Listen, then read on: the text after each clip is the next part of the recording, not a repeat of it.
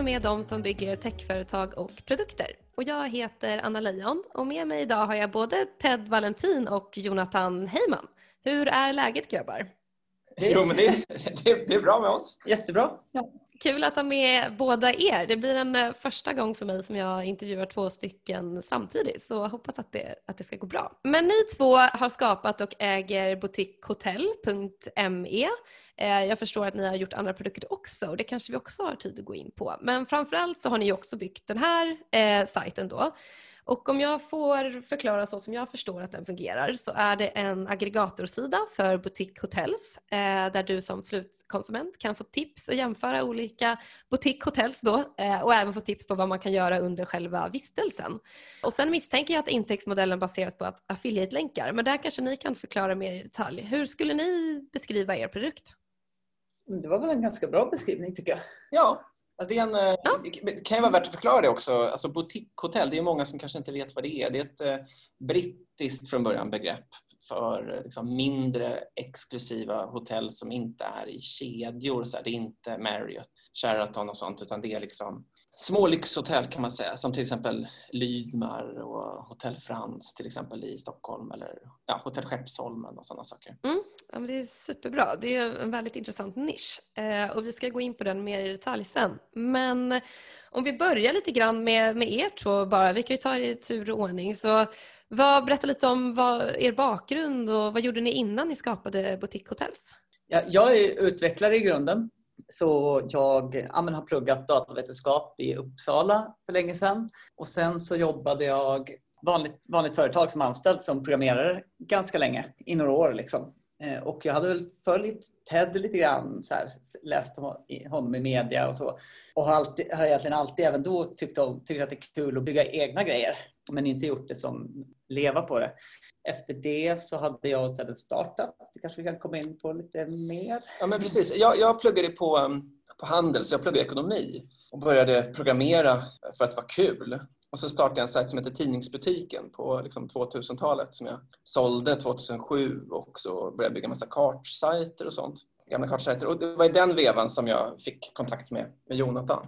Och någon gång ungefär, ja det var väl 2013, 12 Ja men typ lite drygt tio år sedan så, hade vi, så startade vi en, en startup tillsammans eh, som hette Tripbirds som var en social reserekommendationssajt.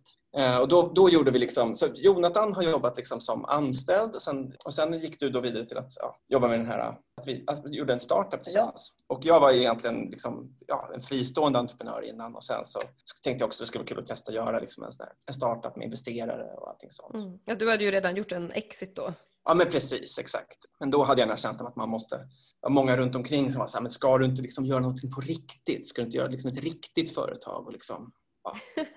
Sådär, du vet, ta in pengar. Hårda krav. Jo, jo, jo. jo. Exakt. Hur kom ni på, liksom, det här Tripbirds är ju samma nisch då som Boutique Hotels, men hur kom ni på nischen eh, som Tripbirds hade i början? Det började väl med att egentligen när eh, jag och min kompis Robert var det som kontaktade Ted, då hade vi byggt en prisjämförelsetjänst för hyrbilar. Mm. Så vi hade liksom byggt den och tyckte att den var jättebra och så funkade superbra. Men vi hade inte så mycket erfarenhet så här, hur marknadsför man en webbtjänst. Visste vi så men Ted Valentin verkar ju ha lyckats bra med det tidigare. Så då typ kontaktade vi honom. Vill du göra något samarbete? Och då tog vi ett möte mm. och vi, när vi tittade på det där lite grann så insåg vi väl lite att okay, det är väldigt svårt kanske att lyckas marknadsföra en prisjämförelsesajt för hyrbilar.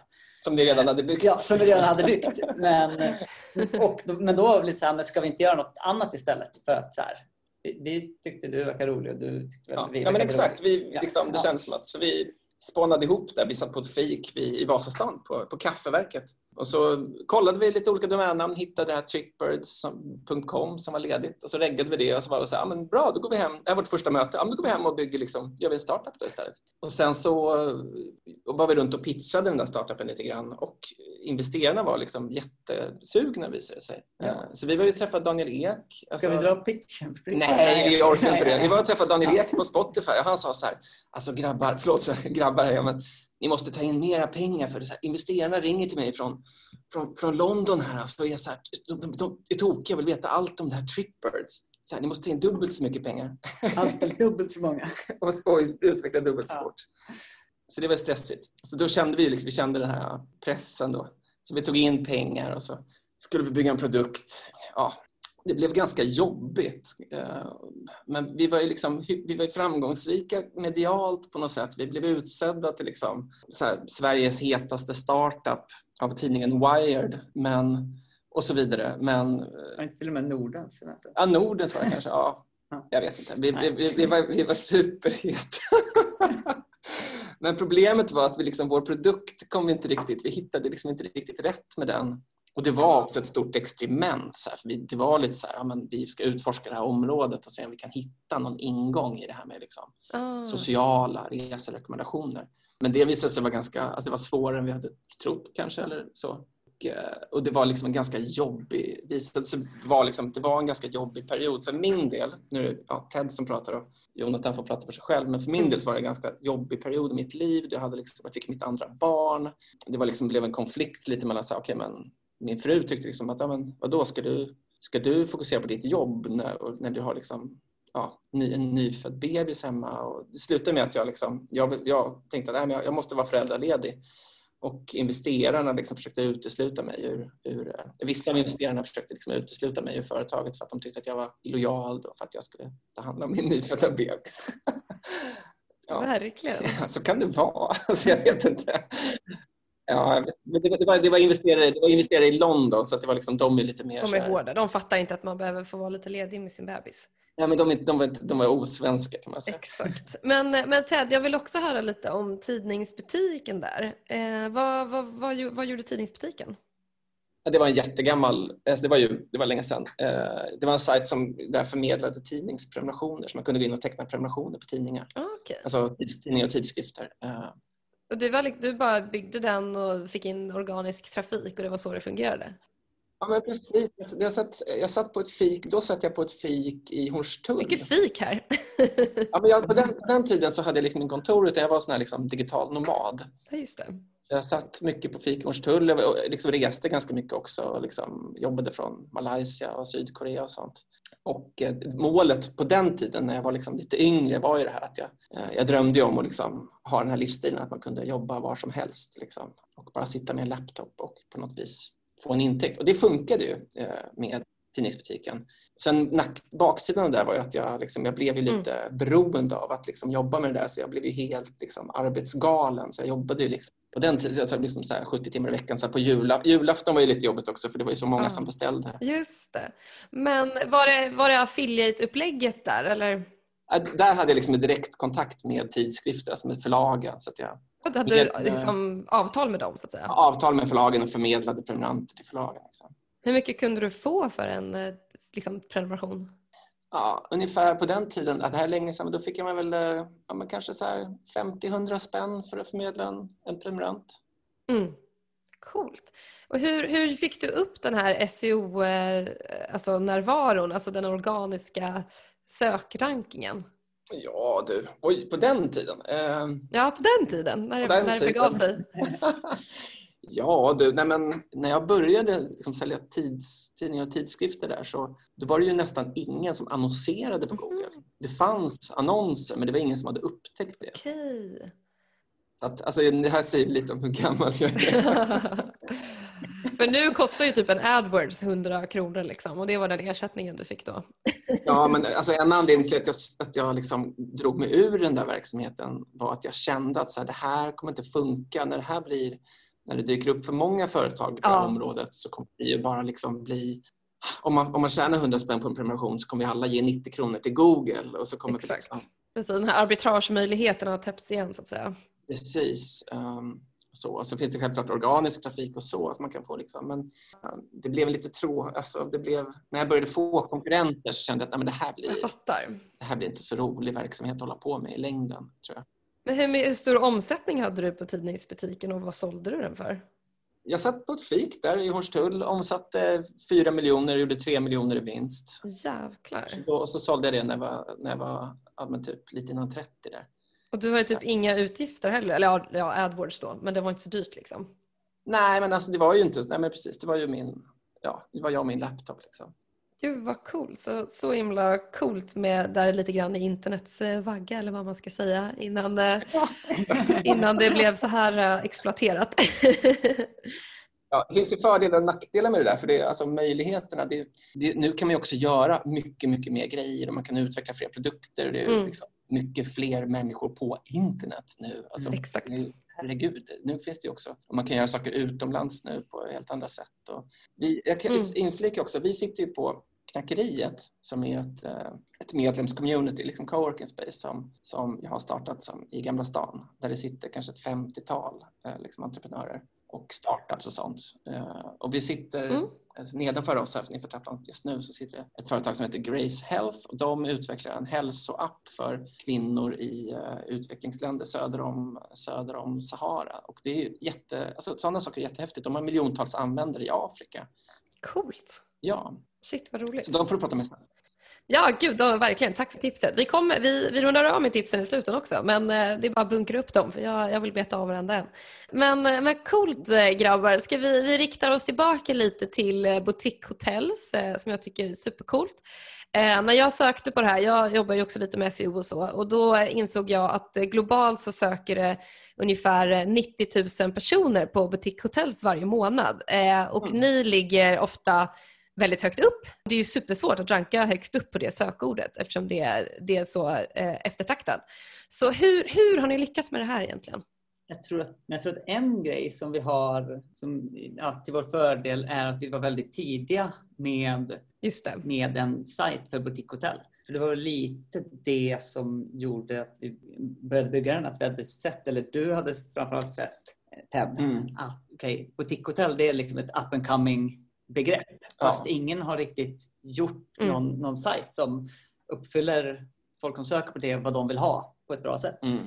Det är nog en och, stor, och, och, och sådana, sådana opportunities dyker upp liksom, för jämnan kan man säga. Samma sak faktiskt med till exempel coworking spaces. Att, alltså, för tio år sedan då hade du säkert kunnat regga så här, coworking.com. Mm. Liksom. Förstår du vad jag menar? Alltså, och nu finns det ju, så här, det finns ju så tusentals sajter som aggregerar coworking spaces för mm. att folk, hjälpa folk att hitta. Liksom. Ja, du förstår vad jag menar. Det är liksom...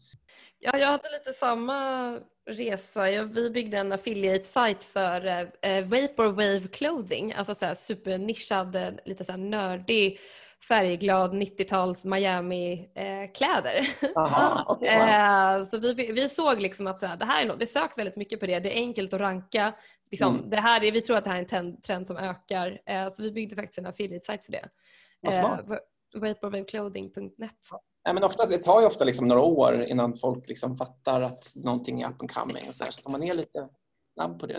Vad coolt. Men okej, okay, så på boutiquehotels.me då. Hur, hur funkar, för när man, när man klickar på ett hotell så kommer man ju ofta till booking.com. Är det de som ni har avtal med eller vilka har ni avtal med? Ja precis, så vi har lite, när, vi, när, vi, när folk bokar hotellet på booking så får vi en, en provision där på, på det. Mm, så det är, det är pay per sale, inte pay per klick eller vad man ska säga? Nej, nej precis, utan det är liksom, ja precis. Mm. Bara, om ni, ni behöver inte säga det om ni inte vill, men vad, vad kan man få för ett sånt eh, klick eller ett sånt köp? Det, det beror på lite grann. Uh, ungefär 5 procent kan man säga. Ja. Typ på bokningsvärdet. Uh. Ah, okay. Men jag kan berätta lite hur det som hände efter liksom, Tripbird som Jonathan och jag hade drivit tillsammans. För att vi båda kanske, om jag får tala för det också Jonathan, vi kände oss lite så här lite brända på det här med att ha en startup och liksom investerare och så. Och eh, vi kände väl att vi var mer mer... Du, du konsultade lite ett tag, ja. Jonathan? Frilansade eller? Ja, frilansade precis. Ja. Eh, mm. Och då gjorde, jag gjorde väl det kanske en till två dagar i veckan med, och övriga dagar byggde vi på, ja, på egna produkter med målet mm. att förhoppningsvis kunna så småningom konvertera liksom. Mm. egna indieprodukter. Precis. Men som utvecklare frilansade du då eller? Ja. Mm. Mm, ja, och, och, och, det som vi kände kanske efter att ha haft liksom, så att säga, ett riktigt företag tillsammans var att vi inte ville ha ett riktigt företag tillsammans. Utan att snarare så här, ja, men vi vill kanske hellre vara då någon slags indie. Som jag vet inte om, du, om ni använder det begreppet, om du använder det begreppet, liksom indieutvecklare. Absolut, indie-hacker, alltså bootstrappad business. Ah. Ja, men indie-hacker, precis. Ja, bootstrappa business. För det, det är jätte, vi har ju, på Knackeriet så har vi, vi har ett gäng liksom, riktiga startups som är investerare som har tagit in massor med pengar och som gör liksom, men vi har ganska mycket då indie-startups och indie-utvecklare också. Mm. Personligen tycker jag, alltså Jonathan och jag, är, vi gillar ju det där lite mer att man, det är enklare att alltså man, man, gör, man jobbar på det man tycker är roligt och så kan man fortfarande vara ute och, och liksom segla på sommaren i skärgården och mm, liksom, bestämma lite själv hur mycket man vill satsa på det och, och ja, sådär. Precis. Nej, men för det är också lite urvattnat för det är så många startups som inte ens tjänar pengar och som aldrig ens kommer tjäna pengar för att liksom, investeringspengar är så billigt så det bara kastas ju pengar på folk till höger och vänster. Så är det. Och det är, det är tråkigt för att det är det man glömmer. Jag tycker att man har tappat bort sig lite i varför man ens har ett företag från första början. Det är ju liksom för att tjäna pengar. Alltså det är mm. därför man, det, det, det är, liksom, liksom definitionen på ett företag i princip. Så ja. Jag tycker att det har blivit löjligt och det har ju blivit att, liksom, att alltså himla tokigt i den här startup-världen. Och jag försöker faktiskt vara lite av en motvikt till det med techskaparna. Till exempel så här Breakit och alla så här medier inom tech, de, de täcker ju bara alla sådana här hypade startups, sån hypad startup som ni hade där innan. Eh, de täcker ju inte de här indie-hackersna som, som make a living och är nöjda och glada och mår bra. De täcker ju bara de som går in i väggen och mår dåligt. Liksom. Ja, det, det, det, var kul att du säger det, för här, alltså, här alignar vi. Liksom, det är jättekul att du, för det är precis så jag också eller vi känner att det är också. Absolut. Och det känns lite som att det har, tror jag faktiskt, börjat bli en backlash lite. För, för tio år sedan så var det ganska mycket snack om indieutvecklare och liksom sådär. Men sen så blev det sånt, som du säger, med, med inget ont om Breakit och sådär. De är jätteduktiga och så. Mm. Men det har blivit sånt enormt fokus på, på startup. Unicorns. Ja, unicorns. Och, och, alltså det är ju jättebra med det också. Att, och det är bra för Sverige säkert och det är bra för investerarna, som de här internationella investerarna vill ju självklart ha startups och så vidare. Mm. Men jag tycker ju att, alltså, jag tycker så här, det är ändå extremt viktigt att förstå, tycker jag, att det, det, är ett strategiskt beslut huruvida du ska ha eh, alltså, eh, säger, investerare eller inte. Alltså det är ett extremt strategiskt beslut. Du kan fortfarande ha en lika valid business model mm. men du vill att den ska vara helt bootstrappad. Eh, så det är det som är viktigt tycker jag för lyssnarna att förstå att eh, det handlar inte om affärsmodellen utan det handlar om liksom Eh, alltså, mm. vad ska man säga, hur det finansieras mm. egentligen, kort och gott. Men sen blir det så himla mycket som man får på köpet när man har investerat, ja, men som det berättar om, alltså stressen och pressen och hetsen och att det ska, det ska slå nu liksom och det, det måste säljas sen och alla de här bitarna. Jag tror, jag, tror, jag tror det är svårt att komma ifrån det. Att har man investerare så blir man... Alltså, det, är inte, det var egentligen inte, det handlar inte för vår del så mycket om att, att investerarna jagade oss. Liksom, utan det var man själv som, som, som jagade sig mm. själv för att man kände liksom, man sätter en press. Liksom. Ja. Man känner okej, okay, vi har tagit in de här pengarna. Man, måste, man vill ju ge investerarna valuta för pengarna. Så ja. Det är klart. Och det kanske man inte mår bra av. Alltså man kanske är bättre av att så här, allt det jag tjänar hamnar i företaget och vi återinvesterar det eller så tar vi ut lön. Mm. Ja, men du vet, att man... Ja, ja precis. Sen beror det också kanske lite, eller såklart på vilken, vissa typer av idéer kräver investerare och andra typer. Jo, så är det ju. Alltså, ja. Om man vill växa snabbt och växa fort och ska gå globalt och behöver marknadsföring, alltså då, då är det ju, är det B2C till exempel, ja då kanske du behöver det. Men jag tittar ju precis som ni, jag är ju mycket mer intresserad av de här affärsmodellerna som inte kräver det. Om vi, får, får, får man flika in en liten fråga till dig här, Anna? Ja, absolut vad är, vad är, din dröm? Vad är ditt, liksom, din uppfattning om det goda livet? Vad tänker du? Att du, du har du, en, har du liksom en, var, har du någon eh, drömbild Liksom... Eh, jag kan ju börja med en anekdot från eh, SCT där de hade med en av de här superentreprenörerna, vilket jag tycker är ett ganska töntigt ord för övrigt. Men eh, det, fanns en, det var en superentreprenör med där och då frågade de samma sak till henne och då sa hon, jag vill bara ha massiva, massa passiva inkomster, sa hon. Och då, då satt jag och garvade lite för mig själv för det, det tycker jag är ett väldigt sorgligt mål. Mitt mål är att lösa riktiga problem med tech, för jag tycker det är svinkul. Jag vill egentligen ha en produkt som jag kan jobba med och tjäna bra med pengar. Men pengar är inte målet i sig. Jag vill ju gärna driva min egna produkt. För det är det jag har ägnat hela min karriär och det är det jag älskar att göra. Eh, och jag tror att, att, att, det, att det är ett bra sätt att eh, driva ett företag på. Att man liksom äger det till stor del själv, man tjänar bra pengar, man tuggar på, man make a living på ett hälsosamt sätt. Eh, sen kanske man säljer om det blir läge för det. Eller så, egentligen vill jag ju bara göra någonting roligt eh, i mitt liv och bidra till någonting bättre såklart. Och eh, jag håller på, alltså, om ni ser det så håller jag ja. på med ett digitalt kösystem till exempel som heter Flowby. Mm. Det såg jag faktiskt det såg inte, tror jag. Nej. Vi såg att du gjorde en massa andra saker, men just den såg jag har, inte, jag har inte faktiskt lanserat det, men eh, efter den här podden lanseras eh, om en vecka så kommer jag lansera det. Ja, så det var lika bra att jag smyger in det. Ja. Men den heter Flowby och det är ett digitalt kösystem som ersätter alla tråkiga papperslappar och konstiga appar som måste ladda ner och allt vad som finns. Så den här är webbaserad. Man skannar en QR-kod med mobilen och ställer sig i en kö. Och förhoppningen är att det ska komma in på Gröna Lund och Skistar och Apoteket och Systembolaget. Ah, okay. så, ja, det är en produkt som jag skulle kunna tänka mig. Är, är, är, har, du, har, du, byggt det själv? Hur funkar det? Liksom ja, nu blir det verkligen inverterad intervju här. Men det kan vi också hinna med. Nej, jag, har, eh, jag är ju inte utvecklare själv. Eller jag, så här, jag är typ, så här, gillar att hålla på med hemsidor. Så jag har byggt hemsidan jag bygger mycket hemsidor själv men jag är liksom inte så pass avancerad att jag kan göra själv utan jag har anlitat en konsult som jag eh, betalar tillsammans med en, eh, en kompis. Vi har finansierat det här 5 var. Så vi har tagit in en frilansare liksom, som bygger det här åt oss. Mm. Så det är egentligen så vi har gått tillväga och nu har vi fått in vår första kund eh, som använder det här eh, kontinuerligt i sin butik. Roligt! Wow. Ja tack! Så det är drömmen att få settla med en sån produkt som gör världen bättre för det finns ingenting jag hatar mer än att stå i en fysisk kö. Liksom. Eh, mm. Så då berättade jag snabbt om mig. Men, eh, men, men strunt i mig. Ja? En fråga. Jag en fråga till dig. det blir en fråga till bara.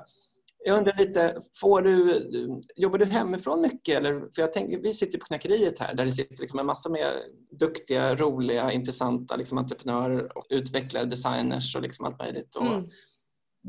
mycket digitalt men mycket som också är liksom Alltså vi har digitala psykologer, digitala beteendevetare och, ja, mm. och den här kontexten här. Jag, jag jobbade ju mycket själv. När jag var, alltså innan jag träffade Jonathan så satt jag liksom tio år på FIK typ, mm. och, och premierade. Uh, och min fru sa till mig liksom att äh, men nu får du liksom, jag börjar bli lite orolig. Du kommer liksom sitta och vara liksom en farbror i ett hörn på ett café med liksom ett skägg som går ner till knäna. Liksom, och, och, eh, uh, och jag, tänkte, jag, jag, tyckte då när jag satt där att jag hade hittat den perfekta liksom, perfekta sättet att jobba liksom själv. Jag, jag, jag tyckte det var väldigt härligt. Mm. Men jag vet inte om det är för att jag blivit äldre eller för att jag blivit visare eller, eller, om, eller, eller jag vet inte vad som har hänt men nu tycker jag att, liksom att, att ha en kontext med intressanta människor omkring sig fast där man inte liksom har samma företag att man, att man jobbar med olika saker. Så man har inga, liksom, det finns inte några chefer någonting, men man har ändå den här inspirationen mm. Med intressanta människor. Att det är liksom värdefullt och driver också framåt och gör att man träffar alltså, fler personer som, som Jonathan kanske eller som, eller som dig då liksom också. Ja, tack. Som man kanske vill jobba med eller liksom, ja, investera eller, eller bara utbyta liksom, tankar och idéer och så vidare. Mm.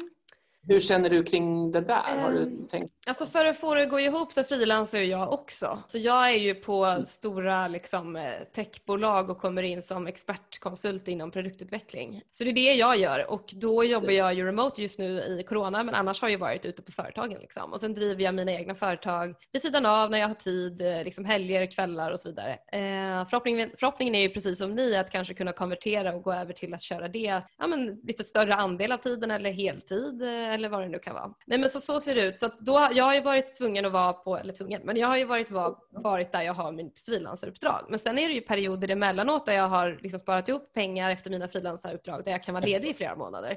Eh, jag har ju tagit, förra året var jag ledig i sex månader till exempel. Wow. Eh, och för, in, året innan det var jag ledig i typ tre månader. Så jag brukar ju ta enormt stora sommarlov. Eh, det kommer jag göra här Härligt. Det är fantastiskt. Det låter lite som, lite som vi brukar ta ganska stora sommarlov också.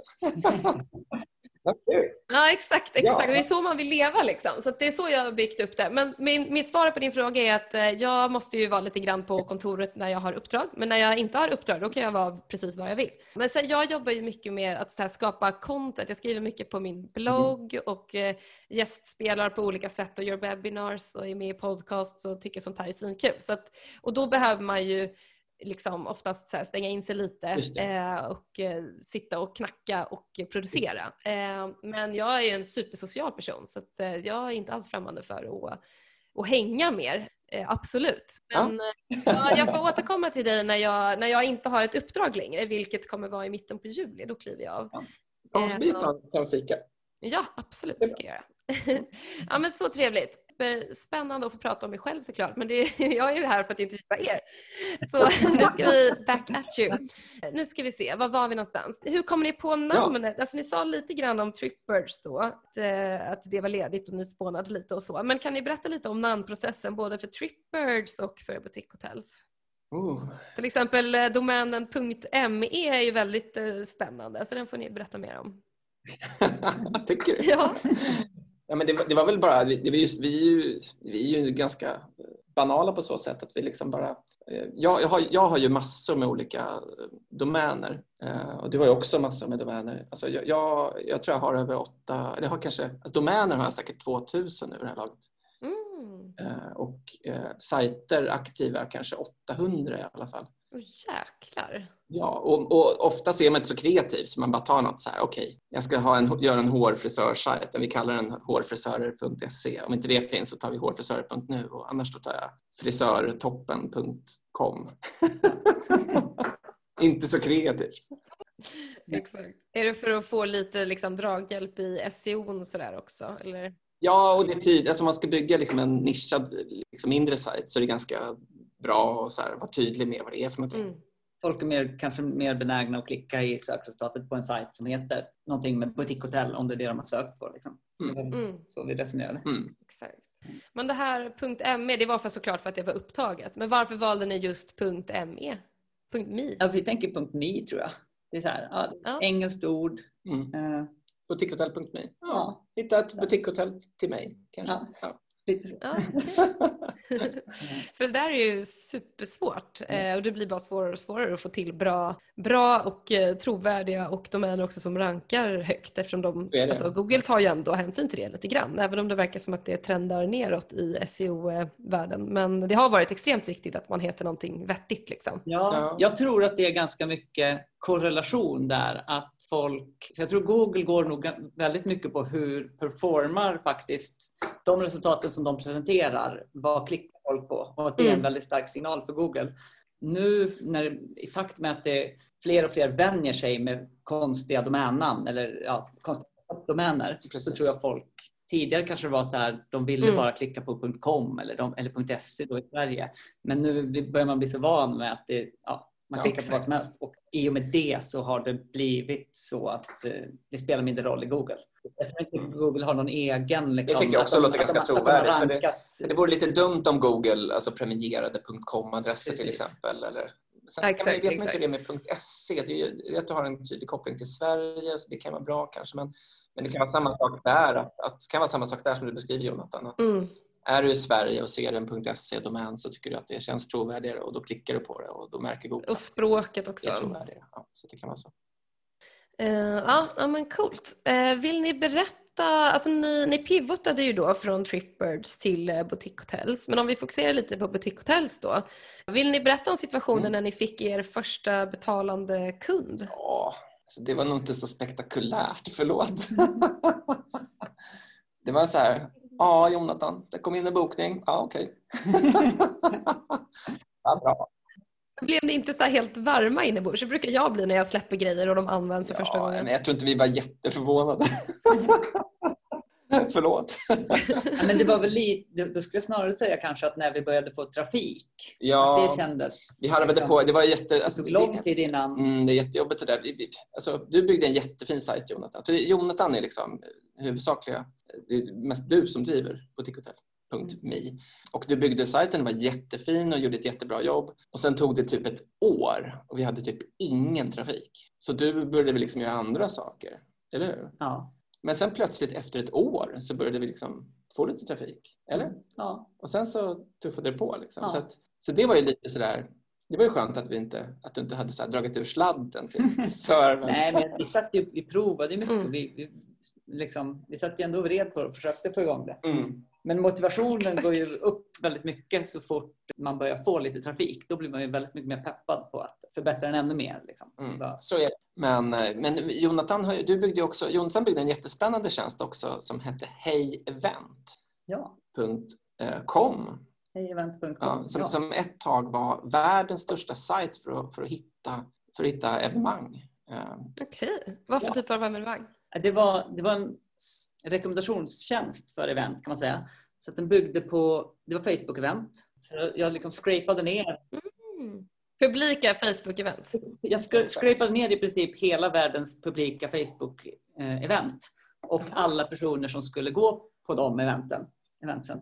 Du scrapade det på Facebook? Ja, eller drog ner via, via ja, deras, API. Via deras API. Ja, de har ett API som är publikt? Liksom. Ja, det, jag tror inte det finns idag. Nu, det, här var, det här var innan Cambridge Analytica. Precis. Ja. Just det. Analytica så ja. nu Facebook på stänger ner i princip alla sina jo. API.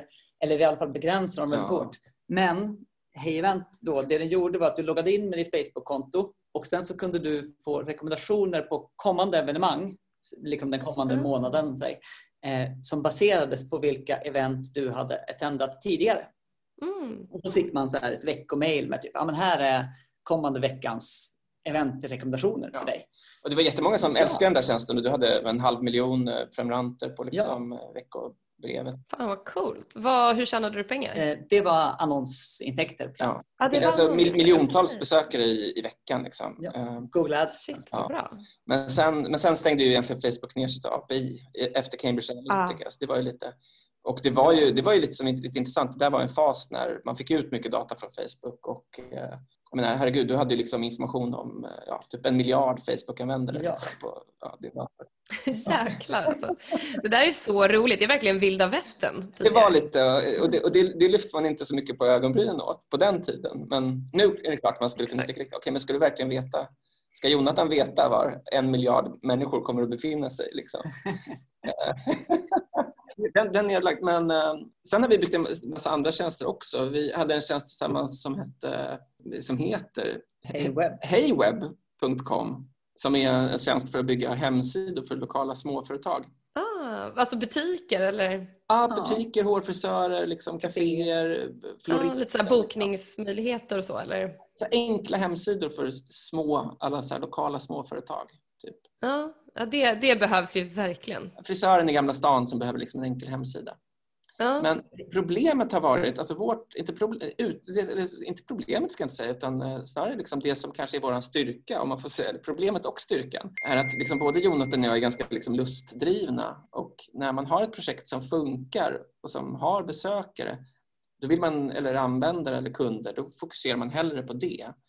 Mm. Uh, och då har det varit sådär att man har byggt jättehäftiga grejer och sen är det så här, man testar och bygger massa olika saker och sen visar det sig att det är något av det där som fungerar och då tappar man liksom fokus på de andra sakerna. Och det är ju kanske helt okej. Okay, liksom. mm. Gud ja. Eh, men att man liksom testar sig fram lite och ser, ser vad som funkar helt enkelt. Ja, precis. Man måste ju bara ha lite rätt timing och, och lite sådana här bitar så faller det på plats. Men eh, om vi går in lite grann på, ni båda utvecklar ju, så då vill jag ju absolut höra lite mer om hur ni, hur har ni byggt, om vi tar butik Hotels då, Eh, hur har ni byggt eh, den sajten? Mm. Och så här, ja, men du vet, hosting och liksom viktiga teknikval och programmeringsspråk och sådär. Hur, eh, hur har det gått till? Just det. Det är i grunden en ja, det är Python eller en Django-app är det byggt i med en ja, ganska mm. klassisk textstack med Postgres som databas, Celery som är då ett så här, asynkron jobbkö för Python används eh, det är nog någon Reddit som körs för lite grejer också tror jag. Någon sån sökmotor. Typ så, som hostas på en egen server som vi hyr. Får jag inflika här också att jag fattar nästan ingenting av vad Jonathan pratar om just nu. och hur har frontend byggts då? Ja, men front, det är liksom ja, men ganska, det är inte en sån single page eh, application utan det är eftersom sajten är liksom ganska vad ska man säga, den är inte så appig, den är ganska dokumentorienterad. Den har liksom sidor för destinationer, sidor för hotell, men ganska klassisk webbsajt. Eh, även fast såklart är det massa liksom Ajax och sånt som används. Men det är liksom HTML-templet, CSS, JavaScript, eh, jQuery används. Liksom, den, den byggdes ju 2012, 2013. Mm. Anna, jag, jag, du, du skulle säkert bli, eller lyssnarna, om de har teknisk kompetens, så skulle de, de skulle nog bli ganska chockade över... Alltså Jonathan är ju en riktig utvecklare. jag är ju liksom någon slags fulhackare. Ja, men det är jag med. Jag, jag, har, jag har inte pluggat programmering, eller jag har, liksom, jag har bara hackat liksom hela livet. Ja, exakt. Och jag är, också, jag är extremt eh, jag undviker att lära mig nya saker om jag absolut inte måste inom programmering. ah, vad roligt. Jag lär, mig, jag lär mig gärna nya saker som, som är liksom sånt som jag inte kan. Men det, för mig är det så att jag byter inte ut en del om den fungerar. Liksom. Mm. Vilket ju leder till att jag använder fortfarande liksom POP och MySQL mm. och bygger mina hemsidor i Dreamweaver. Mm, okay. Jag vet inte om du ens vet vad det är för någonting? Nej, det vet jag inte. Det var innan, innan det, det, utvecklas inte längre. Det liksom, det, det, om, om, det, om det finns någon där ute så sitter de säkert och skrattar just nu. Som lyssnar, som, som förstår. Alltså, som är, utveck, som är liksom, ja. Det var ett program för länge sedan för att bygga hemsidor som, som inte finns längre. Ja, men jag fattar. Dåtidens VS Code kanske, Visual Studio Code. Mm. Okej. Okay. Ja, men coolt. Får ni, hur får ni in liksom hotellen på, på er sajt? Det, det, det, är, ingen, det är ingen scraping, utan, eller hur funkar det? Alltså nu för tiden när vi har så är det ju framförallt att vi ganska mycket blir kontaktade av hotell som vill vara med. Men sen har vi ju, vi letar mm. ju också aktivt efter nya hotell mm. eh, som verkar tillräckligt intressanta. Liksom. Mm. Och nu har vi faktiskt börjat jobba med, mm. där kanske du, kanske du tycker det är intressant också, eller så tycker du inte det, jag vet inte. Men vi har börjat jobba med, tidigare har vi varit, inte jobbat med fri, liksom frilansare så mycket, men nu har vi börjat jobba med en, en frilansare i Ukraina som sitter och hjälper oss med liksom, så här, dag, det dagliga, liksom, att välja ut hotell och svara på mejl och allt sånt där. Det är superintressant. Alltså, hur hittade ni den då? Det var en, det var en, en tjej som hörde av sig. Men vi har väl funderat liksom lite på att så här, ja, men det, för det kan vara ganska svårt att hitta folk i Sverige som tycker att det där är tillräckligt intressant att hålla på med. Det är ganska liksom, ja, vad ska man säga, lite så här, mm. monotona arbetsuppgifter. Liksom. Så vi har varit, jag menar, det var Okej, okay, så hon hörde av sig? Det var många år där vi överhuvudtaget inte svarade på mejl till exempel. För att det var liksom, man orkar inte. Man har inte tid, liksom, funkar inte. Liksom. Ah, så det är lite intressant. Och, generellt så tycker jag att det är lite, nu, nu tycker jag att det är liksom, jag börjar bli mer intresserad av generellt att jobba mer med alltså frilansare, men kanske framförallt då att hitta duktiga människor. Antingen att folk sitter här på knackeriet så att man kan träffa dem face to face, så att man verkligen, verkligen ses liksom, och har en, utvecklar en eh, vänskap kanske. Så. Eller att folk, det är liksom folk på andra sidan jorden. Så, um. mm. Precis, ibland behöver man de här lokala förmågorna. Eh, till exempel med vårt eh, kösystem då, som vi pratade om tidigare. Då kommer vi behöva liksom kanske någon säljansvarig i kanske varje land. Liksom. Ja. Då har vi tittat på att hitta dem via sådana här uh, micro-worker liksom, sajter som typ Upwork ja. och så vidare. Upwork, Freelancer och Fiverr och liksom. Ja. Alla de där, det finns ju hur många som helst. Många som helst. Eh, och de är ju superbra, alltså det funkar ju skitbra. Nej, men det är också lite, det, det, är en, det är en ganska spännande modell tycker jag att man så här, skulle bygga ett företag med liksom, globala frilansare. Mm, exakt. Eh, alla kan vara sådana här nomads. Och sen kanske, så här, och sen kanske ja, man hittar utvecklare också och så bara skjuter man ut sig själv och så bara, men det sitter liksom 20 pers på, runt på jorden och så bygger min sajt medan jag sitter här och dricker en kopp kaffe. ja, det, nu, ja, precis. Nu kommer vi in på det här med passiva ja. ja, nej, men det, det låter härligt. Framförallt, alltså, framförallt om du säger, för jag är också lite sådär att man tappar stinget ibland på vissa grejer. Ja. Eh, jag har ju haft en te, jag har ju ett tebolag som heter Tiamo ja, eh, som är en eh, e-handel och som, eh, som jag är jättepassionerad i liksom, så stötvis. Eh, men så vi funderar ju på om vi ska liksom outsourca liksom själva packandet, för det gör vi ju själva. Packandet och lite marknadsföring och sådana här bitar. För jag, liksom, jag har inte uppe det här stinget tillräckligt mycket riktigt. Jag är lite mer så här, nu är jag taggad på andra grejer jag bygger. Mm. Det, jag förstår verkligen vad du säger och då är det så himla... Jag tror, jag tror ju väldigt mycket på att göra allting alltså initialt. Att, så, har du gjort packandet? Ja då vet du vad det är, vad det innebär och då kan du liksom, men när du väl har gjort det själv, då kan du lägga ut på någon annan. Men Precis. om man inte har gjort det, då är det kanske svårare alltså, och då kanske alltså, ja, inte blir lika bra heller om du inte själv. Exakt, för det, det jag vill kunna säga det behöver bara göra liksom, det behöver bara göras mer av det jag gör. Alltså Precis. de här äh, Instagram och skriva content och Exakt. packa teer och höra av sig till återförsäljare, alltså de här bitarna. Det är som ja. du säger, det är lite monotona uppgifter som jag kanske inte Ja. Jag tycker det är roligare att bygga produkter. Men det, det är en så spännande tanke att kunna outsourca det just till frilansare och då har ju de det här stinget som man själv har tappat. Det är det man måste liksom ja. plocka upp. Om man kan hitta det, precis.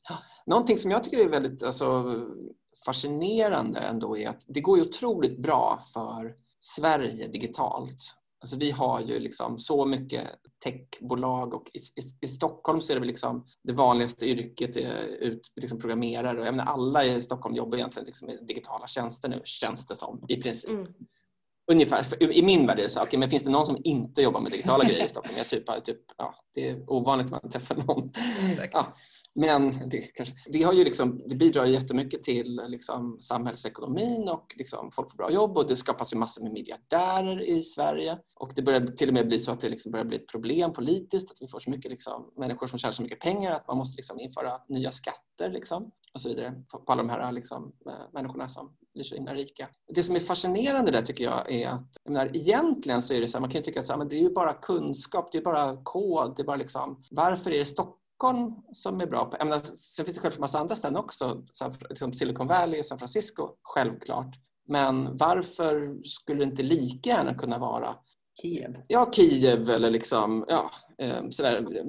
Mm. Nu börjar ju de bli bättre och bättre, men, eh, men jag håller med dig. Ja, precis. Men, men det är lite fascinerande att säga, okej, okay, men varför tjänar personer som gör det vi gör här tio gånger så mycket som liksom, om man kanske gör samma sak i Kiev? För det borde vara liksom ett, det är ett digitalt spelfält. Det borde vara liksom ett level playing field. Men ändå så är det så att det känns som att platsen har en sån, sån eh, att det är så viktigt. Gud ja.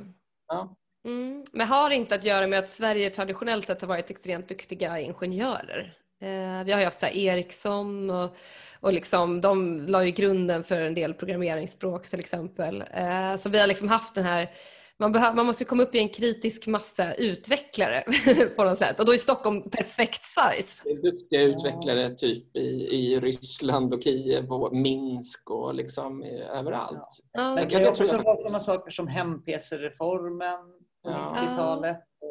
Att infrastruktur, liksom, ja, men, men, men, men, det där var ju länge sedan. Jag tycker men det, men det som också är några förutsättningar är ju internet och vi har ju varit extremt i framkant med fiber och mobilt internet och alla de här bitarna. Ja, men, men jag, tror, jag tror inte, så min hypotes, du får, liksom, ni får säga vad ni tycker, är att det är inte liksom den fysiska infrastrukturen, det är inte liksom bandbredden som är grejen. Alltså, man blir inte så mycket bättre programmerare av att man har liksom en, en, bredare uppkoppling, liksom, tänker jag. Utan det det handlar om är mer alltså, mötet mellan människor och om du umgås med människor som startar i, om, ja, i, i, en stad som Stockholm där liksom var och varannan person man springer på har liksom startat en e-handel mm. Mm. Så, blir, så blir alla liksom bättre och tillsammans så bygger man liksom en, en ganska platsspecifik liksom kunskap som gör att det finns en kompetens som är liksom intangible, det är väl det jag försöker säga. Ah, okay. det, det, det, är inte någonting som man läser i en bok utan den finns liksom i huvudet på de här människorna. Mm. Ja, det är en inställning nästan till och med. Alltså det, fin- det är lite det här, alltså, exakt, it's a state of mind. Liksom San Francisco är state of mind. Ja, men man har fått upp ett momentum också, ja. att folk eh, har den här inställningen och exekverar på den. Ja men exakt. Men uh, alltså, det kan mycket väl vara så nu att det är så att vi har det här momentumet och, och, den här eh, inställningen. Men jag tror att förutsättningarna som ledde fram till det eh, är ju de här liksom, infrastrukturella bitarna. Så kan det vara, absolut. Vi fick en, vi fick en tidig start, det tror jag. Så är Exakt. Det. Så, ja, det är superspännande. Och sen tror jag också på storleken, att det har en avgörelse. Alltså för att så här, Sverige, eller Stockholm är, Sverige och Stockholm är tillräckligt så här, lagom spelmarknad. Eh, det finns tillräckligt många tech-savvy kunder som kan haka på det här tidigt eh, för att det ska liksom bli tillräckligt stort och de ska tjäna tillräckligt mycket pengar så att de spinner vidare på det på något sätt. Liksom.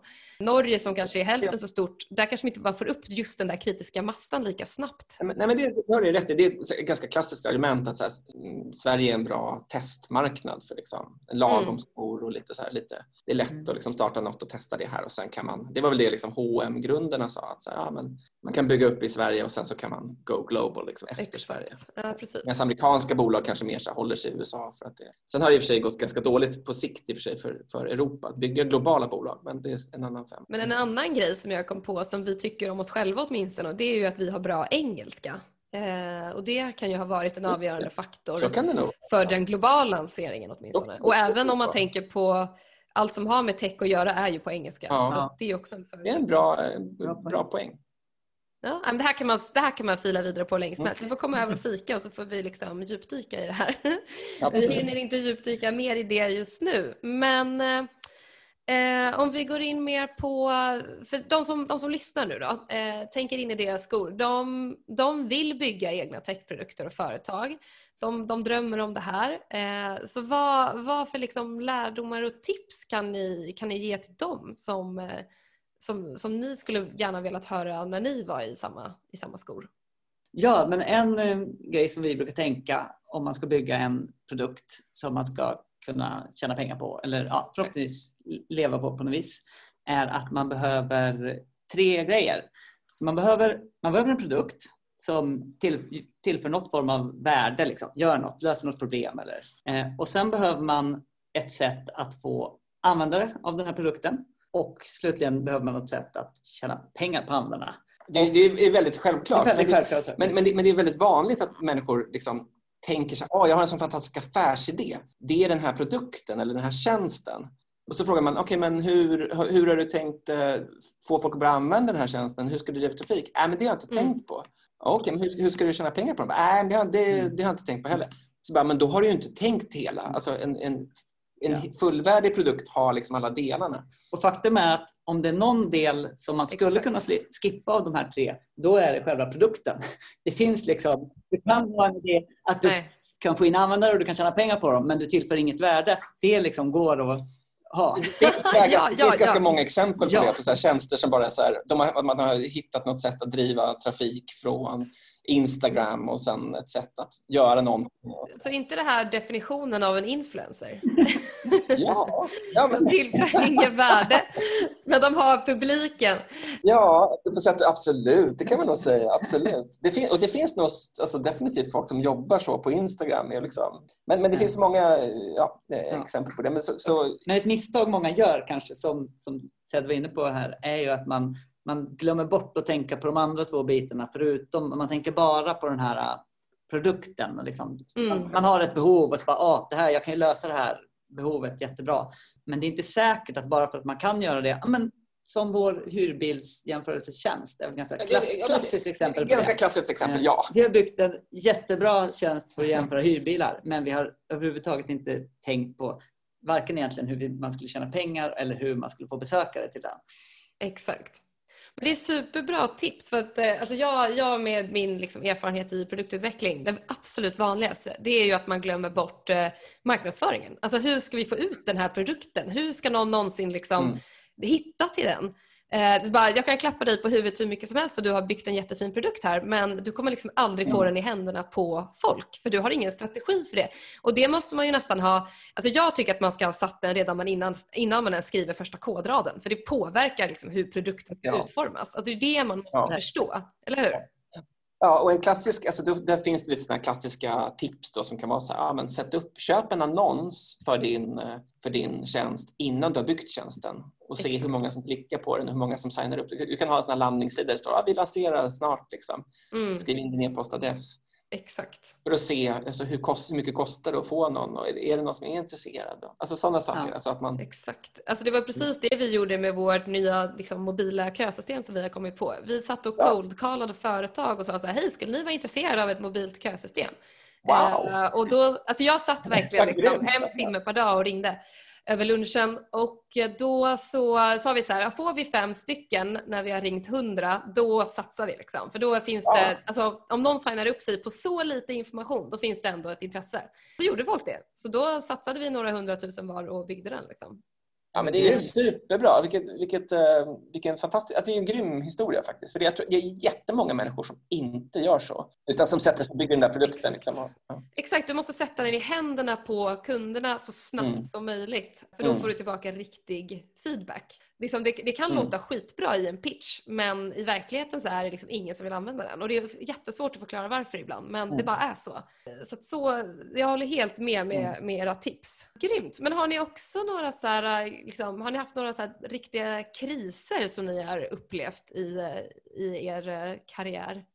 Många. Men jag beskrev väl dels det där att, ja, när jag skulle vara föräldraledig där, när vi hade vår startup och det var ju liksom jättejobbigt. Jag kände liksom att hela familjen, alltså det var så här både att man, man var en dålig förälder, man var en dålig liksom, partner och man var en dålig chef upplevde det som då samtidigt och en dålig, ett dåligt investeringsobjekt. jag var dålig på allt, liksom. jättetråkigt. Eh, man räcker inte till, liksom, till allt. Där blev jag, lite, jag blev lite utbränd av att ha en startup, det kan man nog säga. Och vad drog du för lärdomar av det? Vi har varit inne på det lite grann. Men, uh... men lärdomen var väl att jag, jag, tycker att mitt sätt att arbeta som jag hade innan var ju liksom ganska bra egentligen. Att här, jag behöver inte... En stor anledning till att jag ville ha en startup var för att det var en massa andra människor som var så här, ska du inte skaffa en startup? Och vad menar du med en startup när du säger sådär? Ja, men det var ju en massa människor som var så här, okay, men Fattar du inte att det finns en massa investerare som har massa pengar som... Det är just investeraren som är liksom nyckeln i det här startup-begreppet. Ja, men journalister, journalister, inget ont om, inga namn nämnda och sådär, men eh, folk som var lite så här, ja men ska du inte göra något på riktigt? Liksom. Okay. det, det, det, är väl kanske en lärdom att så här, det är jättebra att lyssna på andra människor. Eh, man ska ju framförallt kanske lyssna på sig själv. ja. alltså Daniel Ek som var liksom, sa så här, men du vet, på Spotify som var liksom, ah, men ni borde liksom göra det här, ni borde ta in mycket mer pengar och göra liksom anställa mycket fler människor. Ja, eh, och det, det, var nog liksom rätt ur hans perspektiv, ja. absolut. Mm. Men inte rätt för er? Nej, jag vet inte. Alltså det var liksom, vi, vi, jag tappade bort mig själv lite i det där, tror jag, för min egen del. Gud, jag tror att det är jättelätt hänt. Ja. Alltså vi hade ju lite kris med pandemin också. Det var jobbigt. Ja, vad hände då? Vi, har köpt, vi köpte en del annonser och det kan man ju göra. Och det, sådär. Och det är ofta ganska låga marginaler när man liksom ja. köper trafik av den här anledningen vi pratade om. Att ja, men, alla i hela världen köper annonser. Marginalen är liksom 5-10 procent i bästa fall. Precis som vi nämnde mm. tidigare. Liksom, att ja, man, man konkurrerar liksom globalt om att försöka få någon att liksom, klicka in på en hotellsajt. Problemet är liksom att när vi eh, med, med Boutiquehotell, boutiquehotell.me, mm. att vi, vi betalar liksom för annonsen när folk klickar på den. Och sen gör folk, kanske någon gör en bokning och sen så bor de på ett hotell, ja kanske fyra, fem, sex månader senare. När de har bott där, då får vi betalt. Så man, det, det är liksom en lång ledtid där. Och det som hände med pandemin var ju att vi hade liksom, ja, köpt en massa annonser och sådär och sen så började folk avboka. Ni får ja. ingen ersättning då? Nej. Nej. Och den där 5-procentiga marginalen blir istället liksom en minus 90 procent. Liksom. Ja, oh, gud. Ja. Hur löste det sig då? Ja, det löste sig att vi gick mycket back. Ja. Eller hur menar du? ja, ja, ja. Nej, men ni, ni, har inte gått under? Liksom. Vi har inte Nej. gått under, men det, men det är klart, det var det är jättetråkigt. Liksom. Gud, ja. Pengar i sjön. Vågar ni skruva på eh, marknadsföringen och AdWordsen nu då när pandemin kanske börjar se sitt slut? Ah, jo, men det gör man ju. Men, men det är ju men det, det, det är en lite knepig modell. Liksom. Det, det finns ju andra, liksom andra, andra liknande eh, affärsmodeller också där ute. liksom, jag tänker med så flygbolag och sånt, att det är så jättelåga marginaler. Och vad gör man då när det kommer liksom en jättestor... Vad gör man? Ja, de flesta man får typ få, ja, gå i konkurs eller få statsbidrag modellen klarar inte av den typen mm. av kris. Nej, precis. Exakt. exakt. Jag vet inte, men tipset kan väl vara att lägga företagen i liksom separata aktiebolag så att man inte går i person, alltså inte allt man gör går i konkurs bara för att en sak man gör går i konkurs. Just det, ja det är supersmart. Jag har jättemånga företag i samma. Det var ju sånt jag började fundera lite på i pandemitider. Bara, Oj då, jag kanske inte borde ha alla mina verksamheter i, liksom, i ett bolag. Just det, ja exakt. Det är superbra tips. Är det någonting som ni hade gjort annorlunda så här med facit i hand? Jag, jag, jag hade väl lite det där. Jag, jag nämnde det tidigare. Jag satt ju mycket själv och utvecklade saker tidigare i livet och tyckte att det var toppen. Eh, och tyckte också att det finns ingen, inget sätt som jag skulle kunna liksom bli bättre av att jobba med andra människor. Eh, men sen nu med knackeriet så känner jag liksom mer och mer och mer att, så här, men, att jobba med andra människor är så himla trevligt och roligt och utvecklande. Liksom att man, men det kanske har att göra också med att man... Jag har en del psykologer här på knackeriet som har liksom tipsat om att det, det är också lite så här att man har lite olika utvecklingsfaser i livet och när man är under 30 så är man ganska så fokuserad på sin egen utveckling och sen när man eh, blir lite äldre och kanske skaffar familj och ja, så där så blir man mer och mer mm. kanske intresserad av av andra människor, vad de gör och få andra människor att, att växa och andra människor att lära sig av. Och liksom man, man, man har ett större behov av sammanhang och så vidare. Så jag kanske, hade, kanske skulle ha liksom skaffat mig det där sammanhanget lite tidigare kanske. Och, och, den här startupen vi hade var ju för mig också ett sätt. Jag tänkte att jag måste skaffa ett sammanhang. Mm. Det var ett misstag, men jag hade kunnat skaffa ett sammanhang genom att bara sitta på ett, eller starta ett roligt coworking mm. istället som jag gjorde sen. ja, jag fattar. Ja, det är superbra tips. Eh, just det där med att man, ja, men alltså det är så fint, men ett sammanhang, ett socialt sammanhang. Ja. Och sen visar det sig att liksom mina verksamheter har gått mycket, mycket bättre också. När jag, jag jobbar mycket mindre och jobbar med andra och det funkar mycket bättre än att så här. Och det handlar mm. ju också om att när jag, förut så satt jag mycket själv och så hade, fick man en idé och så tänkte man så här, åh gud vilken bra idé, idé det här är. Så bollade man inte den med någon och så så att man utvecklade liksom tre månader någon grej och sen så visade det sig att ja, men det var inte så bra. Alltså, att man kan bli liksom lite, man kan få lite, bli lite närsynt liksom. Men här så kan man ganska snabbt ändå få liksom mm. validering och folk kan, liksom, man kan ha personer att bolla idéer med. Och, mm. och in, det handlar om det här, göra rätt, göra rätt saker istället för att göra saker rätt. Eh, mm. Men hur ni, för ni är ju ett eh, liksom, fantastiskt radarpar. hur eh, skulle ni tipsa andra som vill hitta sitt, sin radarparhäst så att säga? Hur, hur ska man hitta sin sån här sån där fantastiska liksom, person som kompletterar en? Oj, svår fråga. Men jag, jag använder ju knackeriet för att liksom scouta efter kul folk, så är det ju lite grann.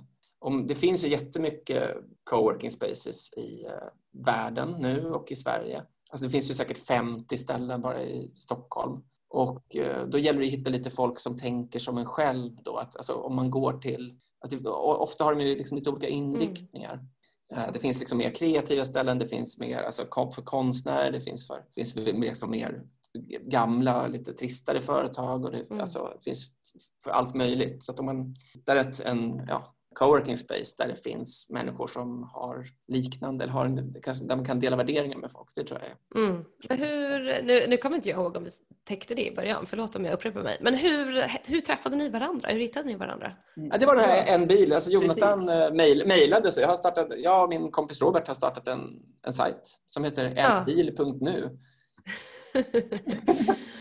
det är superhärligt. Och du hade sett honom i media och tyckte att han var spännande? Liksom. Ja, ungefär så.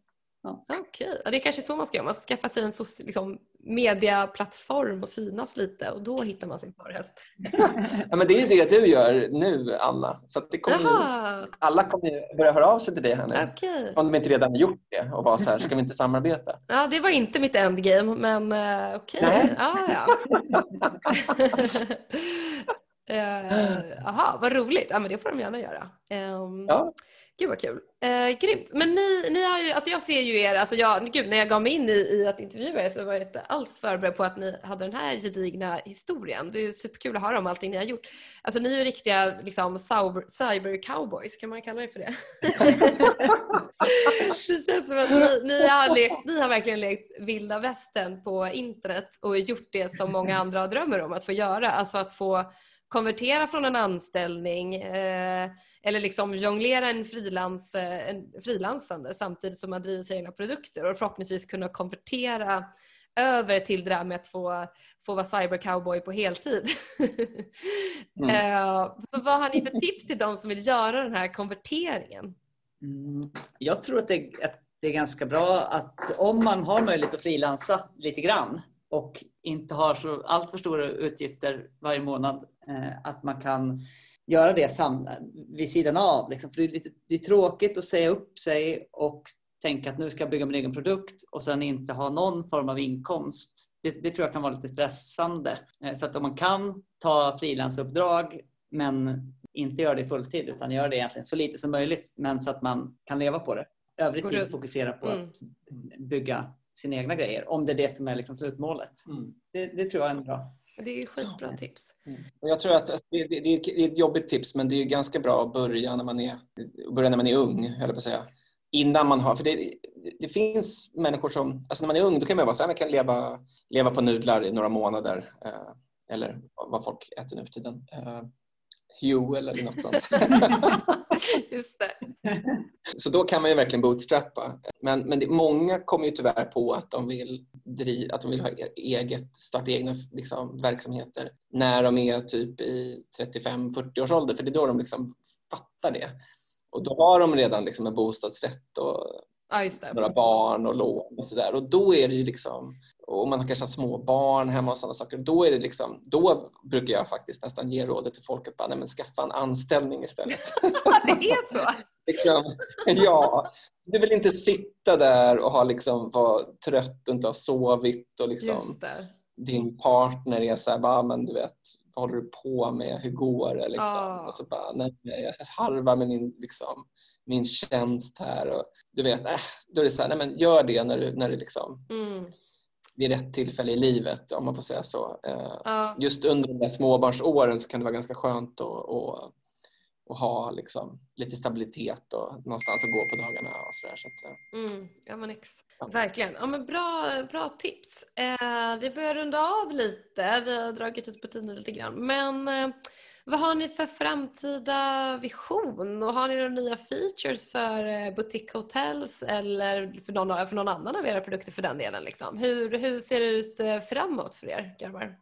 Titta på dig Jonathan. Du, du är, Jonathan är liksom produktägare och eh, kan man säga. På. Jo, men vi har ju absolut saker vi vill förbättra. Jag vet inte om vi har någon sån här mega feature, men, men det är hela tiden vet, har man en lång lista på saker som man kan göra sajten lite bättre och så. Mm. Och sen har vi ju an, fler projekt också. Ja, du, Jonathan, du sitter och bygger en ordspelsapp. Ja, egentligen. Ska... Jonathan han är helt zonat ut här de senaste månaderna. Ja. Och bygger Lite en, pandemi. pandemi. Zona ut. Liksom. Du, så du är apputvecklare också? Ja, precis. Jag håller på och bygger ett ordspel just nu som ska släppas. Vilken, Shit, vad kul vilken vecka som helst. Brukar låta så. Ja. Vilket, år, vilket år som helst. Nej, men jag får, det är på sluttampen. Fan vad coolt. Du får, eh, du får ja. um, plinga till till mig när, du, eh, när den släpps så jag kan gå in och testa. Ja, men det ska jag. Shit vad kul. Roni. Roni, ja. Roni. Roni, R-O-N-I. Ah, vad kul. Och, eh, den snabba pitchen är väl att det är, om man tänker Scrabble, där mm. lägger man ett ord i taget varannan gång med sju bokstäver. Eh, I Roni så har du 21 bokstäver, ett bräde som är 9 gånger 9 rutor stort och så har du tre minuter på dig att lägga hur många ord du vill, liksom, kors och tvärs och få så mycket poäng som möjligt. Okay. Och så tävlar man mot en motståndare som har samma bokstäver. Att jag kan spela nu och sen kan du spela ikväll den matchen. Liksom. En match består av tre rundor och sen den som fick bäst totalpoäng vann matchen. Det, det låter skitkul, det vill jag spela. jag älskar alfabet. Ja men shit vad coolt. Ja, men det låter ju som en eh, lite sexigare version än eh, Scrabble så att säga. ja, eller en, en variant. Alltså, jag tycker också jättemycket om Scrabble. Liksom. Men det, ja, mm. Coolt. Variant. Mm. Ja, super. Um, ja men gud, det har varit så trevligt att prata med er. Uh, jag har lärt mig Ja, men detsamma. Jätte, jätteroligt att höra om dina projekt eh, också, Anna. Det är liksom ja. superroligt. Det, det är fullkomligt bubblar här i Tech Stockholm. Men vet ja. ni, min, min sista fråga. Vet ni någon annan techskapare som ni tycker att jag borde intervjua härnäst? Det borde vi göra. Ja, men vi har ju massor. Ja, vi, vi har ju hela knackeriet som är fullt med folk här som är jättekul. Så det är bara att säga om du vill ha. Eh, vi har jättemycket roliga mm. startups. Alltså Grace Health som jag nämnde som gör den här appen för kvinnohälsa i Afrika. Det är skitcoolt. Konfetti. Men de hade du varit i kontakt med kanske? Vilka, vilka sa du? Konfetti. Ja. Konfetti. Jag har inte fått något svar från dem. De duckar mig än så länge. Men jag ska... Ja, de kommer nog. Nu kommer de nog. Ehm, och sen har vi Linda Portnoff här som har en, sajt, eller en tjänst som heter Tangy Market. De bygger en, en börs för låtar, för musik så att du kan köpa in det i, i låtar och bli liksom delägare i, i, dina, i, eh, liksom, i dina, dina favoritartisters låtar. Ah, shit vad coolt.